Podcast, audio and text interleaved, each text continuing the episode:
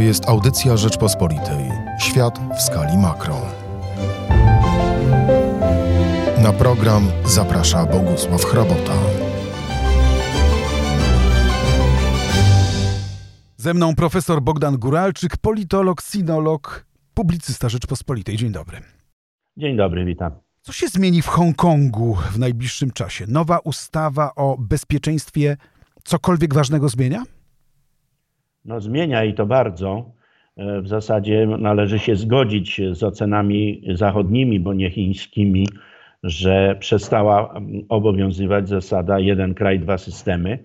E, Hongkong dotychczas od chwili przejęcia nad nim suwerennych praw przez Chińską Republikę Ludową w dniu 1 e, lipca 1997 roku funkcjonował na zasadach specjalnego regionu autonomicznego w ramach Chińskiej Republiki Ludowej. E, do tego stopnia, że obywatele Hongkongu mogli jechać do Chin, natomiast obywatele HRL do Hongkongu musieli starać się o wizy. E, w tym sensie e, był to region specjalny, który funkcjonował na podstawie dwóch aktów prawnych podstawowych.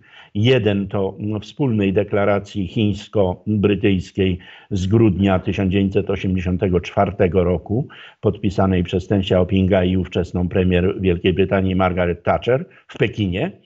A potem jeszcze do tego doszła e, tak zwana Basic Law, ustawa zasadnicza, E, przyjęta w kwietniu 1990 roku. Na mocy tych dwóch dokumentów e, Hongkong miał być specjalną enklawą, zachować swoje wolności przez 50 lat. Jak widzimy, zachował je przez 23 lata i się skończyło. Czy to jest z pańskiej perspektywy ważne złamanie obietnicy? Dla Zachodu będzie bardzo ważne, już jest rozgrywane i będzie rozgrywane. Natomiast y, logika chińska jest zupełnie innego rodzaju i jest u nas nieznana, bo y, jeśli chodzi o Zachód, na ogół znamy y, argumentację, że Chińczycy wprowadzili swoje służby bezpieczeństwa, że będą sekowali wolności indywidualne, że będą wprowadzali cenzurę. No ale stało się jednak coś z perspektywy chińskiej niezmiernie ważne że Chińczycy nie wprowadzili wojska bezpośrednio na ulicę, a więc wyciągnęli wniosek z poprzedniej wielkiej zawieruchy z wiosny 1989 roku. To nie jest błaha sprawa, ponieważ e, od 9 czerwca ubiegłego roku 2019 mieliśmy praktycznie non-stop e, demonstracje i niepokoje społeczne na terenie Hongkongu. Przypomnijmy, że wówczas chodziło o to, żeby poddać jurysdykcji HRL e, dwóch czy trzech obywateli, żeby można, e, obywateli Hongkongu, żeby można ich było wysłać i poddać jurysdykcji HRL, a teraz tą jurysdykcją objęto całą byłą brytyjską kolonię i to jest zmiana zasadnicza i obyło się, jak wszystko na to wskazuje, bez rozwiązania siłowego, chociaż w oczach Zachodu jest to jak najbardziej rozwiązanie siłowe, a na dodatek wiarołomstwo właśnie, czyli niedotrzymanie przyjętych ustaleń i uregulowań, chociaż po stronie chińskiej powiada się, że nadal to będzie jeden kraj, dwa systemy. Na pewno w wymiarze gospodarczym pytanie, czy Zachód zechce te zasady też utrzymywać. Rozumiemy, co to oznacza z perspektywy polityki, ale co to oznacza z perspektywy gospodarki Hongkongu? E, tutaj jest jedna rzecz, e, która jest niezmiernie istotna. Kiedy Hongkong e, był przyłączany czy wracał do macierzy w 1997 roku, ta pół mili- 7-milionowa, teraz to jest niespełna 7,5 miliona mieszkańców enklawa, dawała w porównaniu 16,5% PKB całej miliardowej y, HRL. Czyli to był niebywale, niebywale silny organizm gospodarczy. Natomiast przez minione 23 lata status Hongkongu spadł do prawie, no niespełna 3% PKB HRL, co świadczy, jak bardzo Chiny kontynentalne się dźwignęły jakiego niebywałego skoku dokonały w dwóch i pół e, minionych dekadach. I równocześnie to rzecz jest u nas niedostrzegana, a z punktu widzenia chińskiego chyba najistotniejsza. Ten sam ogólnochiński, ogólnochińskie zgromadzenie przedstawicieli ludowych, ten sam parlament, który teraz pod koniec maja tego roku Yy, ogłosił, że będzie specjalne ustawodawstwo, jeśli chodzi o bezpieczeństwo na terenie Hongkongu. Ten sam, yy, ten, to samo gremium trzy lata wcześniej ogłosiło projekt, że w, dole, w rzeki Perłowej, gdzie jest aż dziewięć różnych miast, jak Kanton, Hongkong, Macao, kiedyś portugalskie, czy Shenzhen, Czuchaj, które już powstały na mocy reform Ten Xiaopinga, będą połączone w jedno megalopolis ponad 100 milionowe i już wtedy dla mieszkańców Hongkongu było jasne, że e, oni będą po prostu jedną dzielnicą wielkiego megalopolis i przeciwko temu też, e, e, też mocno demonstrowali. Natomiast rola Hongkongu jest jeszcze taka, że w Shenzhen wybudowano jedną z dwóch na terenie HRL giełd, które działają. I e, w tej chwili ta giełda w Shenzhenie zaczyna doganiać tę w Hongkongu, a na tej w Hongkongu już ponad 75% udziałowców to są udziałowcy z HRL, czyli nastąpiła e, sinizacja, e, tak to mówiąc, Hongkongu. No i zbudowano mu rywali bezpośrednio u progów strefę kiedyś specjalną Shenzhen. W pobliżu Makao wybudowano Czuchaj, a jeszcze w odwodzie jest Szanghaj jako wielkie megalopolis. I w tym, w tym sensie rola Hongkongu bezustannie malała i maleje i zmaleć może jeszcze bardziej, w zależności od tego, jak mieszkańcy będą teraz na to, co się stało, reagowali. To jednak jest narracja o przyszłości, dość odległej przyszłości. Czy możemy zaryzykować dzisiaj już stwierdzenie, że Hongkong przestał być ważny dla ludowych Chin? Y, odpowiem inaczej, bo często odpowiadam inaczej ze względu na swój bagaż doświadczeń chińskich i tamtejszą perspektywę. Hongkong moim zdaniem stał się jeszcze ważniejszy niż był dotychczas, ale z innego niż na ogół przyjmujemy punktu widzenia, a mianowicie obecne władze chińskie, konkretnie Xi Jinping, u władzy coraz bardziej autokratycznej, zresztą od e, końca 2012 roku, ogłosił wielki e, projekt, wizję ponownego renesansu narodu chińskiego, trzeciego w ogóle takiego renesansu w chińskich dziejach, oprócz dynastii Han to tak okres Chrystusa powiedzmy i dynastii Tang, 8-9 stulecie naszego, naszej ery, no to taki renesans, no i nie będzie żadnego renesansu, jeśli po obu stronach cieśniny tajwańskiej są dwa organizmy z Chinami w nazwie, czyli Chińska Republika Ludowa czy Chiny kontynentalne i Republika Chińska na Tajwanie. Czyli e, dla mieszkańców Tajwanu Y, jest jasne, że wcześniej czy później może dojść do zjednoczenia. Władze chińskie w Pekinie zawsze mówiły, że to ma być pokojowe zjednoczenie, ale na ostatniej sesji pod koniec maja tego roku, y, tegoż parlamentu, o którym wspominałem wcześniej, tego pojęcia pokojowe już nie używano. Natomiast Hongkong pełnił dotychczas rolę takiego papierka lakmusowego. Jakie będą losy zgotowane mieszkańcom Hongkongu, takie mogą być losy zgotowane przy, przyszłości mieszkańcom Tajwanu, którzy mm, e, uważnie się przyglądali. I teraz to, co się stało 1 lipca tego roku, e, powoduje, że już są sondaże na wyspie i mieszkańcy Tajwanu coraz bardziej definiują się jako Tajwańczycy albo równolegle Chińczycy i Tajwańczycy, no bo przecież oni też mówią w języku chińskim i sięgają do tamtejszej cywilizacji a coraz mniej definiuje się, e, tak nie, niewiele ponad 10% już tylko, jako Chińczycy z pochodzenia. Więc mamy nową jakość, no i to jest w tym sensie rozgrywka geopolityczna i geostrategiczna. W tym sensie rola Hongkongu wzrosła, e, bo co się będzie działo dalej. I drugie, druga kwestia, e, Hongkong dotychczas przez ponad dwie dekady niejako w cuglach wygrywał prestiżowe rankingi, na przykład amerykańskiej fundacji Heritage, dotyczące wolności gospodarczych. Była to najbardziej wolna gospodarka na całym globie. Władze w Pekinie na pewno będą chciały utrzymać ten status. Pytanie jest, czy Zachód i Amerykanie na to pozwolą, bo już pewne e, uregulowania prawne wprowadzają, które mogą to uniemożliwić, a w ten sposób Hongkong rzeczywiście będzie karany. Na Tajwan jeszcze za chwileczkę wrócimy, bo to jest sprawa nieco chociaż fundamentalnie ważna, nieco poboczna wobec, przy tej naszej rozmowie o Hongkongu, ale chcę pana zapytać jeszcze o to, co się dzisiaj dzieje w Hongkongu, ponieważ dochodzą do nas takie informacje, że na przykład z Hongkongu wycofuje się TikTok, że zamierza zwinąć się Facebook czy inne platformy społecznościowe. Dlaczego?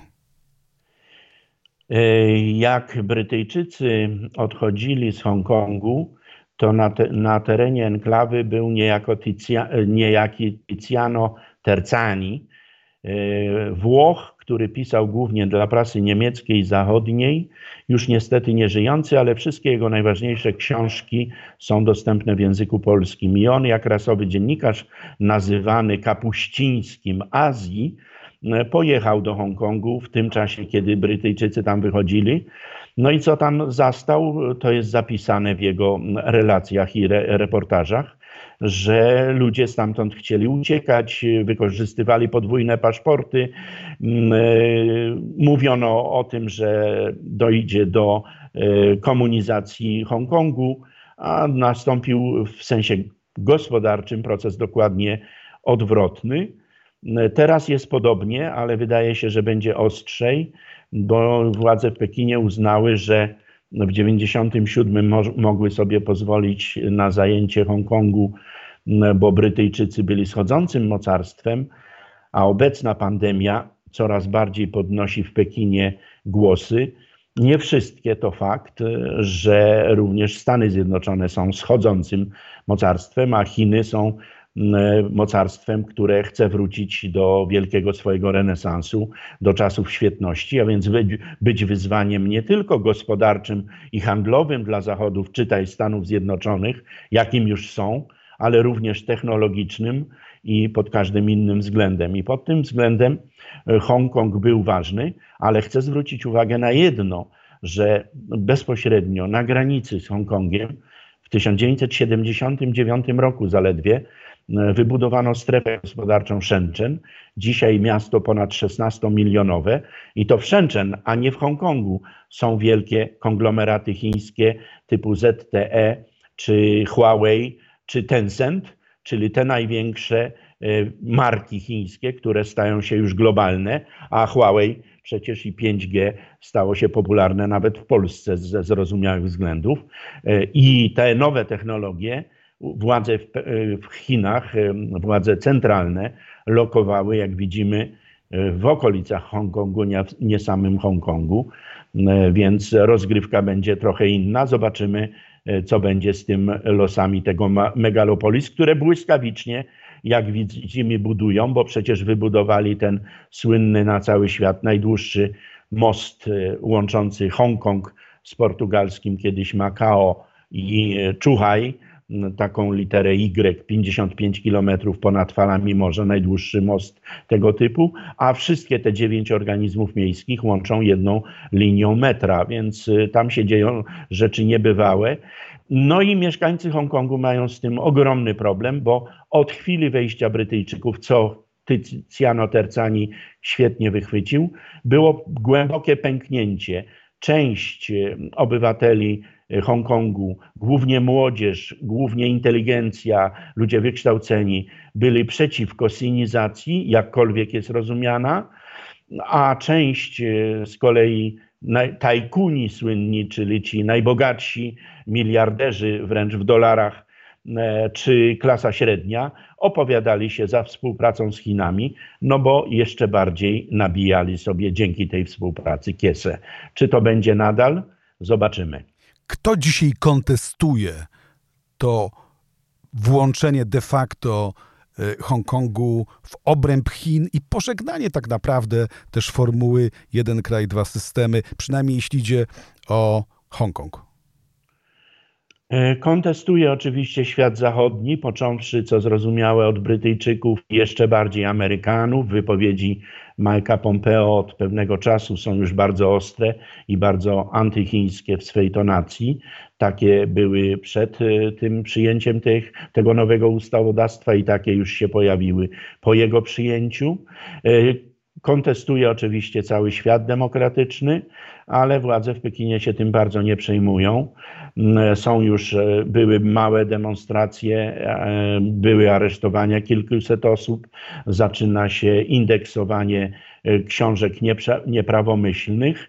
I przypomnijmy, że tam chodzi o cztery podstawowe zasady żeby nie było terroryzmu, separatyzmu, no i kolizji, współpracy z e, zachodnimi, obcymi, innymi mocarstwami. E, to jest naruszenie podstaw i to jest podstawa wprowadzenia nowych przepisów bezpieczeństwa, ale również e, kwestia lojalności wobec flagi i hymnu HRL, co już jest y, większym problemem dla mieszkańców y, Hongkongu. Podkreślmy, bo to ciekawe, że y, mieszkańcy Hongkongu nawet w jeszcze większym stopniu niż mieszkańcy Tajwanu mówią po kantońsku, a nie ogólnochińskim. Oni teraz jeśli takie ustawodawstwo się wprowadza, to będą musieli w przyspieszonym tempie uczyć się jednak trochę obcego języka, bo mandaryński z kantońskim to są dwa odrębne języki, tylko piszą się tak samo, tymi samymi znakami. Czy spodziewa się pan jeszcze jakichś kolejnych faz konfrontacji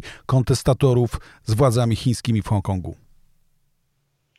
E, niewątpliwie takie odruchy będą ale y, to jest kwestia zasadnicza. Y, Pekin postawił na siłę, y, a determinacja Zachodu jest właśnie sprawdzana. W Polsce można użyć tej paraleli, bo jest zrozumiała i nośna, że kiedyś było u nas takie mm, zawołanie, kto będzie chciał umierać za Gdańsk. Jak pamiętamy, nie za bardzo chciano.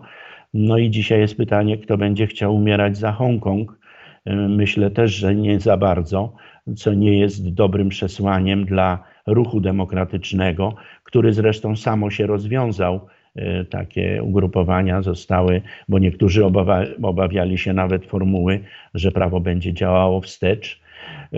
Więc z tego punktu widzenia wolności e, jednostkowe, indywidualne zostały ograniczone, no ale weszła cywilizacja chińska, a tam nigdy wolności nie były e, priorytetem tylko w cywilizacji chińskiej powinności względem państwa i były najważniejsze.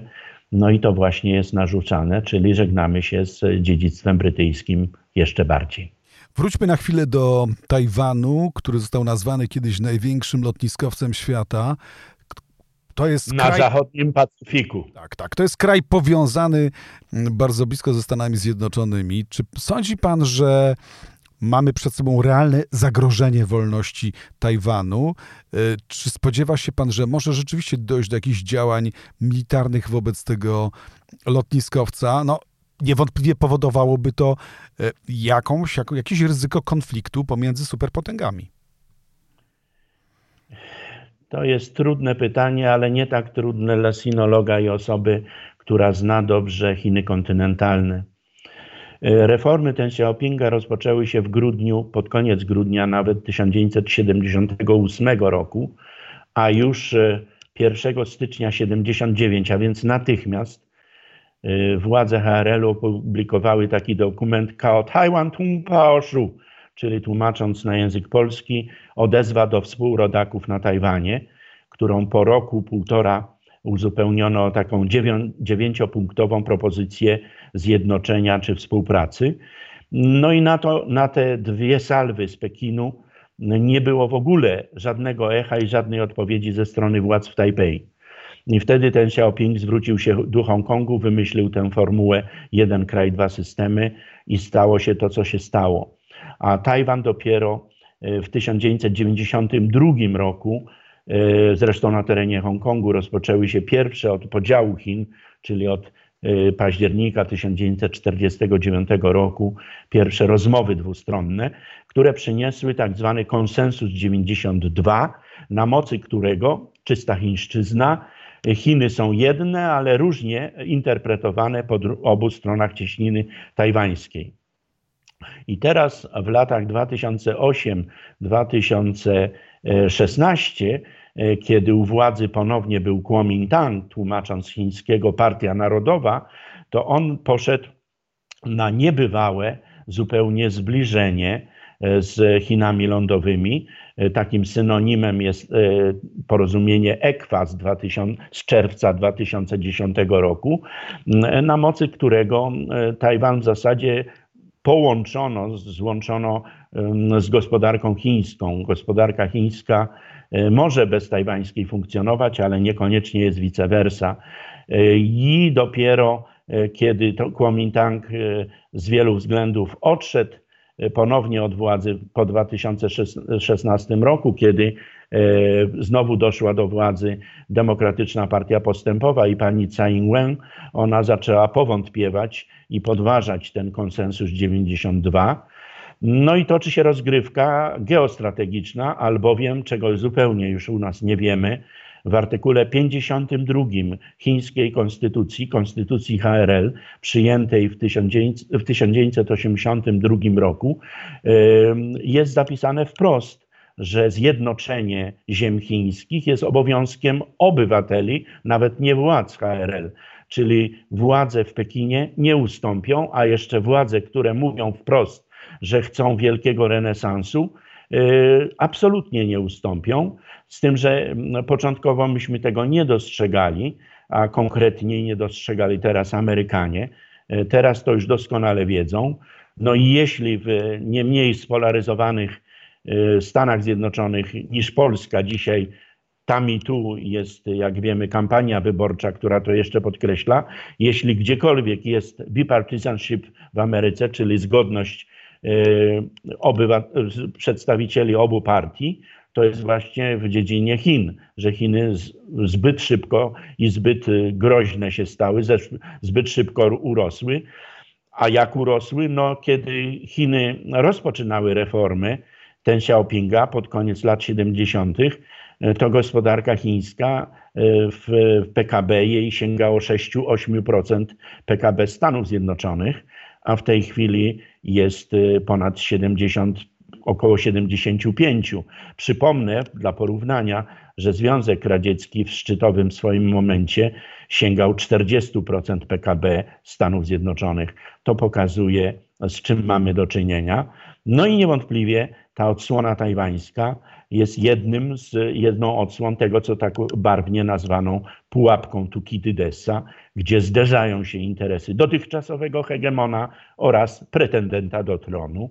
E, to nie jest czas spokojny i bezpieczny, ale taki mamy. Ale ostatnie pytanie do pana teraz, panie profesorze. Czy należy się spodziewać w najbliższym czasie, przewidywalnym czasie konfrontacji, czy raczej czegoś na kształt zimnej wojny? No ja już e, w niektórych publikacjach używam te, e, terminu nowa zimna wojna, tylko ona będzie inna niż poprzednia. To będzie bardziej wojna technologiczna, cybernetyczna, e, podjazdowa. No ale jeżeli są takie napięcia, a są i to bardzo widzimy, bo przypomnijmy, że jak wchodziliśmy w pandemię w początkach tego roku, to mieliśmy już wojnę handlową między USA a Chinami, która tylko została 15 stycznia, kto to jeszcze pamięta tego roku, e, zawieszona czy zamrożona w Białym Domu.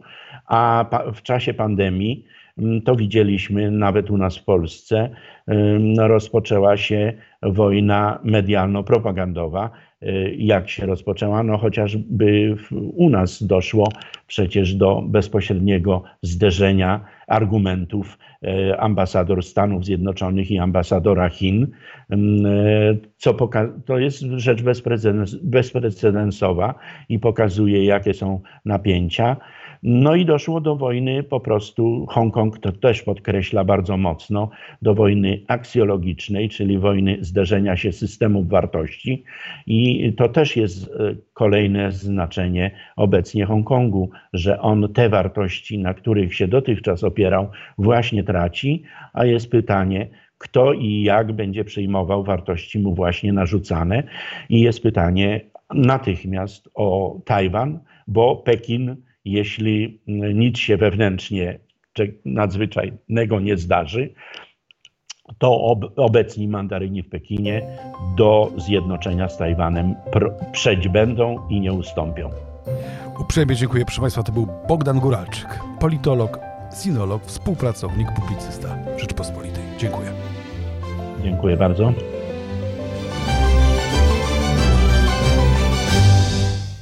To była audycja Rzeczpospolitej. Świat w skali makro.